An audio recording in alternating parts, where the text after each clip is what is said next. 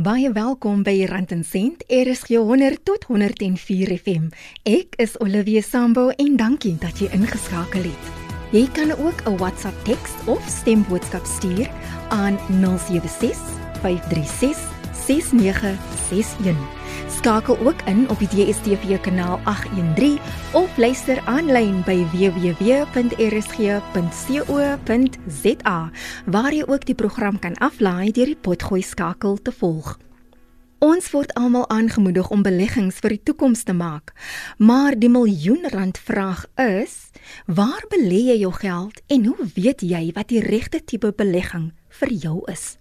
Soos vir ons in ons maatskappy uh, wat ons noem 'n uh, diversifikasie het en ons het baie spesialiste elkeen in sy eie veld en ons kom by mekaar en ons het regtig uh, kom ons nou met maar dinkskrams en ons gooi verskriklike modelle na die hele projek. So dit is 'n baie intensiewe projek en ons kom tot by konklusies waar ons sê maar ons dink hierdie bateklasse is beter en ander is minder beter. Maar ek dink as 'n mens 'n belegger is vir die langtermyn moet jy eintlik ietsie van alles hê wat ons noem diversifikasie. So dit is waarvan ons dink byvoorbeeld regulasie 28 van die pensioenfondswet is eintlik 'n baie goeie plek vir beleggers om te wees oor die lang termyn. Hoekom? Want jy word eintlik blootgestel aan al die dele van die mark. So as jy nie 'n kundige is op beleggings nie, wat wil jy doen? Jy sê wel, ek weet nie. Ek wil tog my geld vat en dit vir 'n professionele persoon of 'n maatskappy gee wat dit vir my op die beste plekke in hulle siening tog sal belê en dit verander met tyd. So op hierdie stadium sou ons byvoorbeeld dink dat plaaslike aandele is dalk 'n goeie plek om te wees want die die aandelepryse is so laag oor al die negatiewe nuus in Suid-Afrika. Ons dink byvoorbeeld plaaslike staatseffekte in Suid-Afrika is 'n goeie belegging oor die reële opbrengs wat jy kry.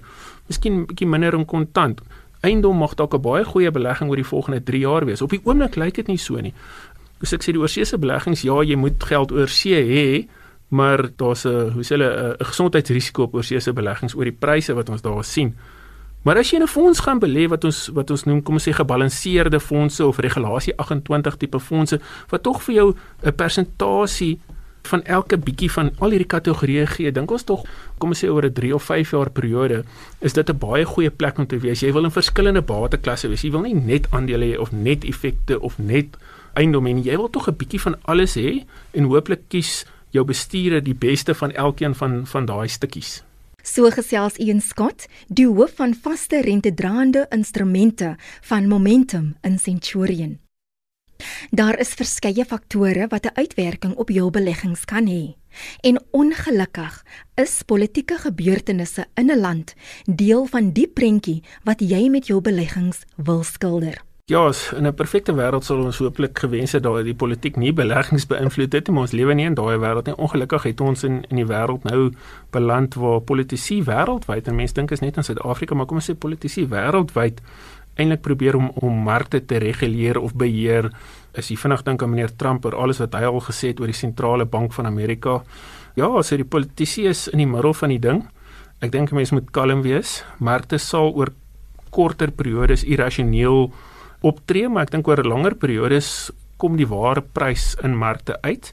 Ek dink as jy lae pryse het en hoë kwaliteit instrumente koop, goeie kwaliteit instrumente oorleef meeste uh, politikuste, jy weet politikuste kom en gaan oor 'n 4 of 5 jaar periode wat ook al daai verkiesingssiklus is, maar jy weet goeie instrumente bly bly vir baie jare goeie instrumente um, wat vir jou goeie opbrengs gee. So mens moet ook sê, kom ons breek 'n bietjie die politiek van wat is die waardasies? Goeie aandele, goeie eiendomme sal kom ons sê korttermyn populisme in in politiek oorleef. En ons glo dit want die pensioenfondsgeld wat ons bestuur is vir mense wat oor die kom ons sê oor die volgende 10, 20, 30, 40, 50 jaar gaan aftree, nie vandag of môre net nie. En ja, oor 10, 20, 30 jaar lyk die politiek heeltemal anderster. Uitlatings deur politieke lui kan wel markte beïnvloed, maar skokkende gebeure in die land het nie noodwendig dieselfde uitwerking op markte nie. Die gruisame en skokkende xenofobiese aanvalle in die eerste week van September het talle Suid-Afrikaners met afgryse gevul en ons tot in ons diepste wese geskok. Maar dit was ook die week wat die rand een van die beste opbrengste getoon het. Wel dit wys eintlik hoe internasionaal die rand is. Ek het vanoggend 'n statistiek gesien wat deur Bloomberg opgetrek is dat die rand en onthou daar seker nou honderde geldstelsels in die wêreld, elke land het sy eie geldstelsel. Dat die rand is die 18de mees verhandelde geldstelsel in die wêreld. So elke dag verhandel daar triljoene rande in ander geldeenhede en terug. Wat dit ook beteken is as daar ongelukkig hierdie periodes is van bekommernis in die wêreld, dan gaan oorsese beleggers die rand verkoop. En dit mag wees dat ja, ons het xenofobiese aanvalle in Suid-Afrika of dinge is nie lekker nie en daar's Eskom, maar dit kan ook beteken Suid-Afrika raak weer goedkoop en dan koop hulle dit. So die rand is maar eintlik die waarde van die Suid-Afrikaanse, noem dit nou maar die aandeel, die prys van die Suid-Afrikaanse aandeel. Maar dit word baie meer gedryf deur wat in die wêreld gebeur as noodwendig wat in Suid-Afrika gebeur. Ja, as ons 'n des van Rooyens is in 2015 het, dan gaan die rand nou natuurlik nou swak, hè, maar dit dit is nou een keer in 'n tyd. Maar hierdie dat die rand versterk ewe skielik ons het xenofobiese aanvalle. Wys jy die xenofobiese aanval is eintlik maar klein in terme van en ek sê nie dis nie belangrik nie, Maar in terme van globale vloei, kyk hier oor seëse beleggers waar waar is die rand of waar is die onlykende markte? Ons hou van die rand, die rand is goedkoop. Ons gaan dit koop. Die xenofobiese aanvalle pla hulle nie regtig nie. Dis 'n internasionale ding. Die rand word internasionaal gedryf, nie deur Suid-Afrikaners nie, want dit is ons geldstelsel. So ek dink 'n mens moet baie versigtig wees sê maar jou geldstelsel en dit wat noodwendig op 'n dag-te-dag basis in die land gebeur is nie noodwendig altyd gekoppel nie. Behalwe as jy regtig groot dinge het wat gebeur het aankondigings ewe skielik van ministers van finansies ontslaar. Daai tipe goed sal die rand natuurlik nou sien. Maar op 'n dag tot dag basis dink ek die rand word gedryf deur internasionale geld. Ek ek dink as jy as jy wil dink oor die rand, moet jy baie meer sê maar wat dink ek gaan met die dollar gebeur? Wat gaan met die euro gebeur? Want dit dryf baie meer die prys van die rand as noodwendig in Suid-Afrika inflasie as hier of rentekoerse is daar. Vir iemand wat absoluut niks weet van beleggings nie. Hoekom is dit so belangrik dat jou belegging meer as inflasie moet groei? Kom ons gaan terug na na belegging 101. Wat is die grootste vyand wat jy het met jou geld? Dis inflasie. Ek dink dit is hoekom ons ook in in die vroeë 2000s besluit het die Reserwebank dat inflasie teikening gaan gaan die strategie van die Reserwebank wees, want inflasie is eintlik maar 'n belasting op mense se geld, want hierdie jaar het jy rand en volgende jaar word daai rand net 90 sent in die jaar en dan kom ons sê net 85 sent of wat ook al die, die, die nommer is. So wat wil jy doen met beleg? Kom ons sê ek wil vir my kinders se opvoeding spaar of ek wil eendag vir my ou dag spaar. Die probleem is inflasie maak dit al hoe minder, maak die geld minder. So dit is tog vyand nommer 1 want op die einde van die dag wil ek tog sê ek wil vandag geld spaar wat tog oor die volgende 20, 30, 40 jaar gaan meer word sodat ek gemaklik kan aftree. Nou inflasie vreet daai meer word af. So jy wil altyd 'n belegging hê wat tog vinniger groei as inflasie. Sodat jy tog eendag 'n bietjie kom ons sê 'n bietjie voor in die wedloop kan kom want dit sal tog nie help jy is net waar inflasie is want op die einde van die dag gaan jy maar net agter raak jy gaan maar net armer word. So daai deel wat jy kan groei bo inflasie is tog die deel wat jou belegging bietjie meer word wat jy bietjie ryker as as inflasie word. Jy wat ons weet in tyd word alles mos maar duurder so jy wil maar altyd 'n bietjie voor inflasie bly ek weet op hierdie stadium is ons in 'n disinflasionêre wêreld, maar inflasie is mos maar uh, hoe sê hulle public enemy number 1. Aan die woord was Ian Scott van Momentum Beleggings. Met die regte instrumente kan jy wel inflasie klop. Waar ons ons opbrengs vir kliënte meet, sal ek sê is in reële syfers. So wat ons doen eerstens is ons wil inflasie klop met die belegging. Dit is die belangrikste ding. As mens nie inflasie oor die lang termyn klop nie, dan is daar nie 'n doel om in 'n belegging te wees nie. Dis hoekom mense definitief moet ook versigtig wees om nie bietjie risiko in hulle portefeuilles te vat nie want ons weet geen risikoprodukte geen vir jou opbrengste wat inflasie klop nie wat ook baie belangrik is. Belastingimplikasies. Ja. Dit is 'n skoen wat baie hard kan skop Absoluut. as jy nie bewus is daarvan nie. Ja, daar's baie aspekte rondom belastingimplikasies. Jy moet baie mooi gaan kyk as jy in iets gaan of jou kapitaal elders belê hoe eerstens hoe dit belas word en tweedens op watter tyd dit belas word. Ek weet daar sekere maatskappye hulle bied jou 'n fenominale rentekoers en hulle sê nie vir jou wanneer en hoe die rente uitbetaal nie. So daar's altyd waar dit maandeliks kan uitbetaal, jaarliks uitbetaal of op een slag aan die einde van die belegging. En in die feit wat dit gebeur wat dalk in die klein skrif staan wat mense nie sien nie is as hulle vir jou sê jy het 'n 5 jaar termyn belegging, jy kry 11, 12% per jaar en hulle betaal daai hele lomp som rente op daai laaste jaar vir jou uit, dan is jy nogals in die moeilikheid en jy kry 'n skrik. Maar jy het geteken vir dit en dit staan in die klein skrif, so jou hande is eintlik afgekap effektiewelik. Wat ek ook kan sê is kapitaalbewinsbelasting is nie iets wat mens maklik kan vryspring. Jy kan dit nie vryspring nie. As jy 'n bate verkoop teen 'n wins, is daar kapitaalwinsbelasting. Maar wat ek ook altyd vir 'n kliënt sê, met enige bate wat jy verkoop is daar kapitaalwinsbelasting en dit beteken jy daarom opbrengs getoon, so jy moenie noodwendig hartseer wees oor dit nie. En so gesels Gustaf Reinagh, finansiële adviseur by Brenthus Wealth in Pretoria. Die wêreld van beleggings kan 'n bevredigende een wees van finansiële beloning maar dit kan ook 'n slagveld van teleurstellings en eindelose spyt wees as jy die verkeerde besluite geneem het. Een van die faktore wat in ag geneem moet word met beleggings is rentekoerse. Een skat van Momentum Beleggings in Centurion verduidelik. Rentekoerse is integraal in basies meeste instrumente wat jy in belê want in meeste instrumente as ons kyk na die waardasies gebruik ons tog 'n rentekoers om die toekomstige waarde te verdiskonteer. Wat jy teen wil doen is wanneer rentekoerse afkom, is dit eintlik goed vir meeste bateklasse. So as rentekoerse afkom, net soos vir individue, vir maatskappye kom die rentekoste af. So ewe skielik as as rentekoerse gesny word, sal dit goed wees vir die aandelemark, dis baie goed vir die effektemark, dis goed vir die kapitaalmark, dis goed vir die eiendomsmark en natuurlik as rentekoerse weer opgesit word, is dit nie so goed vir daai markte nie. Maar ons is nou in 'n omgewing in die wêreld waar rentekoerse gesny word in in meeste lande. Ek dink amper nie daar's meer een sentrale bank wat nie koerse sny nie, behalwe miskien in Zimbabwe waar ek sien die koerse nou 70% is. So die rentekoerse wat wat gesny word in die wêreld nou is goed vir finansiële markte, is goed vir die verskillende aandelepryse, effektepryse. So ja, ons dink dit is 'n goeie tyd om te belê. Hoekom is 'n rentekoersverlaging goeie nuus en 'n rentekoersverhoging slegte nuus? Wel, ek dink dit is baie belangrik om te weet dat rentekoers in Suid-Afrika moet op die as ek enige plek in die wêreld moet op die regte vlak wees, op 'n vlak wat min of meer waar groei en inflasie is, sodat jy nie die die ekonomie doodmaak nie. Maar wat die Reserwebank probeer doen is is natuurlik om inflasie binne in 'n band te hou.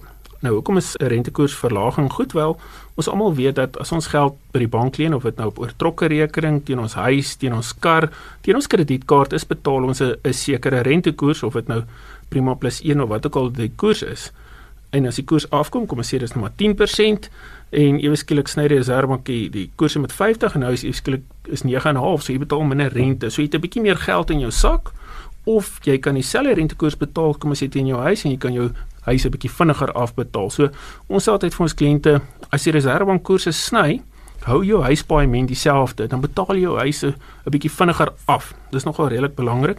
Op korttermyn skuld is dis natuurlik lekker as jou kredietkaart jy R500 'n maand op jou kredietkaart afbetaal het met rente en dan sny dit en nou betaal jy net R450 'n maand op jou kredietkaart dan jy daai ekstra R50 'n maand in jou sak. Natuurlik as rentekoerse opgaan is dit teenoorgestelde. Ewe skielik word jou 500 paaiement word nou R550 en dit maak jou seer. Hoekom doen die Reserwebank dit? Wel Hulle basies vir jou sê moenie te veel spandeer nie. Ons trek dit 'n bietjie terug. Ons hou nie van die inflasie wat gebeur nie. En sodra jy ophou spandeer, dan kan maatskappye nie meer die pryse lig nie dan kom inflasie af en en dit is waar ons is. So ja, rentekoerse baie belangrik in Suid-Afrika op hierdie stadium en ons dink dis ook 'n goeie geleentheid. Ons dink rentekoerse in Suid-Afrika is is eintlik nog hoog. Kan die Reserwebank koerse sny? Ek dink wanneer die geleentheid reg is, kan hulle nog rentekoerse sny. Ek dink dit is belangrik om die regte vlak van rentekoerse in Suid-Afrika te hou sodat dat ons die, die rand 'n bietjie stabiel kan hou. Ons wil nie die rand met ewe skielik na 16, 17, 18 toe gaan en dan moet die reservebank koerse baie opsit nie. So ja, rentekoerse is integraal wat ons doen in Suid-Afrika. Baie keer voel mense mense ja, maar rentekoerse is te hoog en ons moet dit sny. As jy rentekoerse te laag sny, dan kom jou geldeenheid onder druk en dan moet die reservebank rentekoerse baie opsit wat ons nie wil hê nie. Rentekoerse as as die reservebank besluit om dit te verhoog. Wat hulle effektiewelik doen is Hulle maak dit meer aantreklik vir 'n belegger of 'n persoon wat geld los het om te besluit wat hy wil doen. Maak hulle dit meer aantreklik om dit vir die bank te gee omdat hulle hierdie aantreklike aanloklike syfer kry van rentekoerse. Dit beteken die banke het meer geld om uit te leen dan vir ander mense. So wat dan gebeur is die mense wat dit leen, leen ook teen 'n hoë rentekoers. So daar's altyd twee kante van die storie.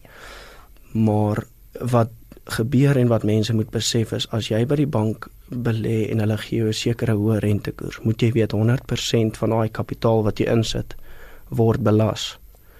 Teen jou inkomstebelasting omdat dit voluit rente is wat jy verdien. Waar as jy bietjie diversifiseer en in portefeuilles ingaan met aandele en eiendom en so, moet jy onthou dis die als rentedraande instrumente wat jy daar binne het. So jy kry 'n belastingvoordeel daar ook. So rentekoerse kan baie aantreklik lyk like by banke en so tans, maar jy moet gaan kyk wat wat jou nabelaste opbrengs wat jy kry deur dit. Dit is Gustaf Reinagh van Brenthus Wealth. Hy sê ook dat elke persentasie van jou beleggings, veral in jou pensioenfonds, beskerm moet word. Maar kliënte verstaan dit nie altyd nie. Dit gaan baie baie moeilik vir 'n kliënt oorgedra word. Dis hoekom hy definitief na 'n finansiële adviseur moet luister en vertroue veral in die adviseur kry om dit te doen. Maar elke liewe persent maak op 'n 20, 30 jaar verskil en selfs korter termyn. Almal weet wat inflasie doen. Ek dink die reële effek van inflasie word nie werklik gewys deur die syfers nie. Hulle sê ons is tussen 4 en 5% nou tans, maar ek meen wat doen die petrol deesdae so jou indirekte verhogings is baie hoër half so elke persent maak saak met opbrengs van 'n belegging oor die lang termyn om daai doelwitte te bereik en jou nie effektiewelik armer in die buitelewe te maak nie. Die regering het regulasie 28 daar gestel om risiko in terme van pensioenfonde te verminder. Wat gebeur het in die geskiedenis soos mense nader gekom het aan aftrede, was daar nie verstellings gewees van adviseurs se kant af in terme van risiko vir die kliënt nie. So wat gebeur het is hulle die ou deurlopend in aandele reg deur sy lewe belê en sekere mense het baie seer gekry daardeur. As daar afwaartse bewegings in die mark kom, is daar nie tyd om te herstel as 'n ou 2, 3 jaar van aftrede af is nie. En ek dink hulle het daai gevare raak gesien en maniere probeer vind om dit effektiewelik aan te spreek. As jy praat van die bateklasse, na watter bateklasse het hulle gekyk? So hulle het spesifiek gekyk na aandele, hulle kyk na almal as sulks, maar die meer riskante aandele het hulle spesifiek na gaan kyk, soos aandele spesifiek eiendom en dan spesifiek hoeveel allocasie in buiteland kan sit en dan verskansingsfondse. Dit dan Gustaf Reinagh van Brenthurst Wealth. Martiens Barnard, aktuaris by Momentum Beleggings, skerp dit ook verder in dat beleggers moet verstaan wat die implikasies is wanneer hulle emosionele besluite neem en van fondse wil verander. As jy kyk oor honderde duisende kliënte en jy sê op gemiddeld is dit 0.5%. Want die gemiddelde persoon daar buitekant kry dalk 'n bietjie minder. Maar daar's kliënte aan die buitekant wat te impulsief raak waar daai verskil tussen wat hulle kon kry en wat hulle op die einde van die dag kry baie meer is as net 'n half persent. Dit raak enorm. Jy moenie aanhou om te change nie. Jou instink is verkeerd. Want daar's die regte besluit en daar's die gemaklike besluit. Die gemaklike besluit is hierdie ding brand my. Hierdie belegging maak my seer. Ek hou nie van hierdie belegging nie. Dis nie noodwendig die die regte besluit nie, maar wat jou gemaklik maak. Die regte besluit is ek het hierdie belegging. Ek gaan in hierdie belegging bly solank as wat ek op dag 1 gesê het ek in hierdie belegging gaan bly. Natuurlik is dit ook belangrik om die regte belegging te hê. Jy moet seker maak dat jy by 'n professionele beleggingsmaatskappy is, maar moet ons outcomes-based investment approach jy in 'n fonds ingaan wat veronderstel is om vir jou inflasie plus 6 te gee, dan kan jy terugsit en jy weet daar's mense wat alles in hulle vermoë doen om jou daar uit te kry. Dit gaan dalk 'n bietjie 'n bumpy ride wees, dit gaan hier en daar gaan dit seermaak, maar die regte besluit bly die regte besluit. Ek het nou die dag iets gelees, hulle praat van outcomes bias. Nou outcomes bias is hulle sê moenie 'n besluit judge op wat op die einde van die dag gebeur nie. Jy moet 'n besluit maak en jy moet jy moet besluit judge op die besluit wat jy geneem het. So jy moet seker maak die dag as jy daai besluit neem. Hierdie is 'n goeie besluit. Ek gaan nou eers vergeet van wat in die toekoms gebeur. Ek gaan hierby bly en ek gaan hierby stiek. Op daai dag het ek die regte besluit geneem. En dan moet jy terugsit en jy moet bietjie jou voet van die pedale afhaal. Dit was Martiens Barnard van Momentum Beleggings. En dis die einde van die program Rand en Sent word weer woensdagoggend om 04:30 uitgesaai. Ons kuier weer saam volgende Sondagmiddag om 5:00 hier op Rand en Sent RSG 100 tot 104 FM. Totsiens van my Olivia Sambo. Lekker dag verder en lekker week vorentoe.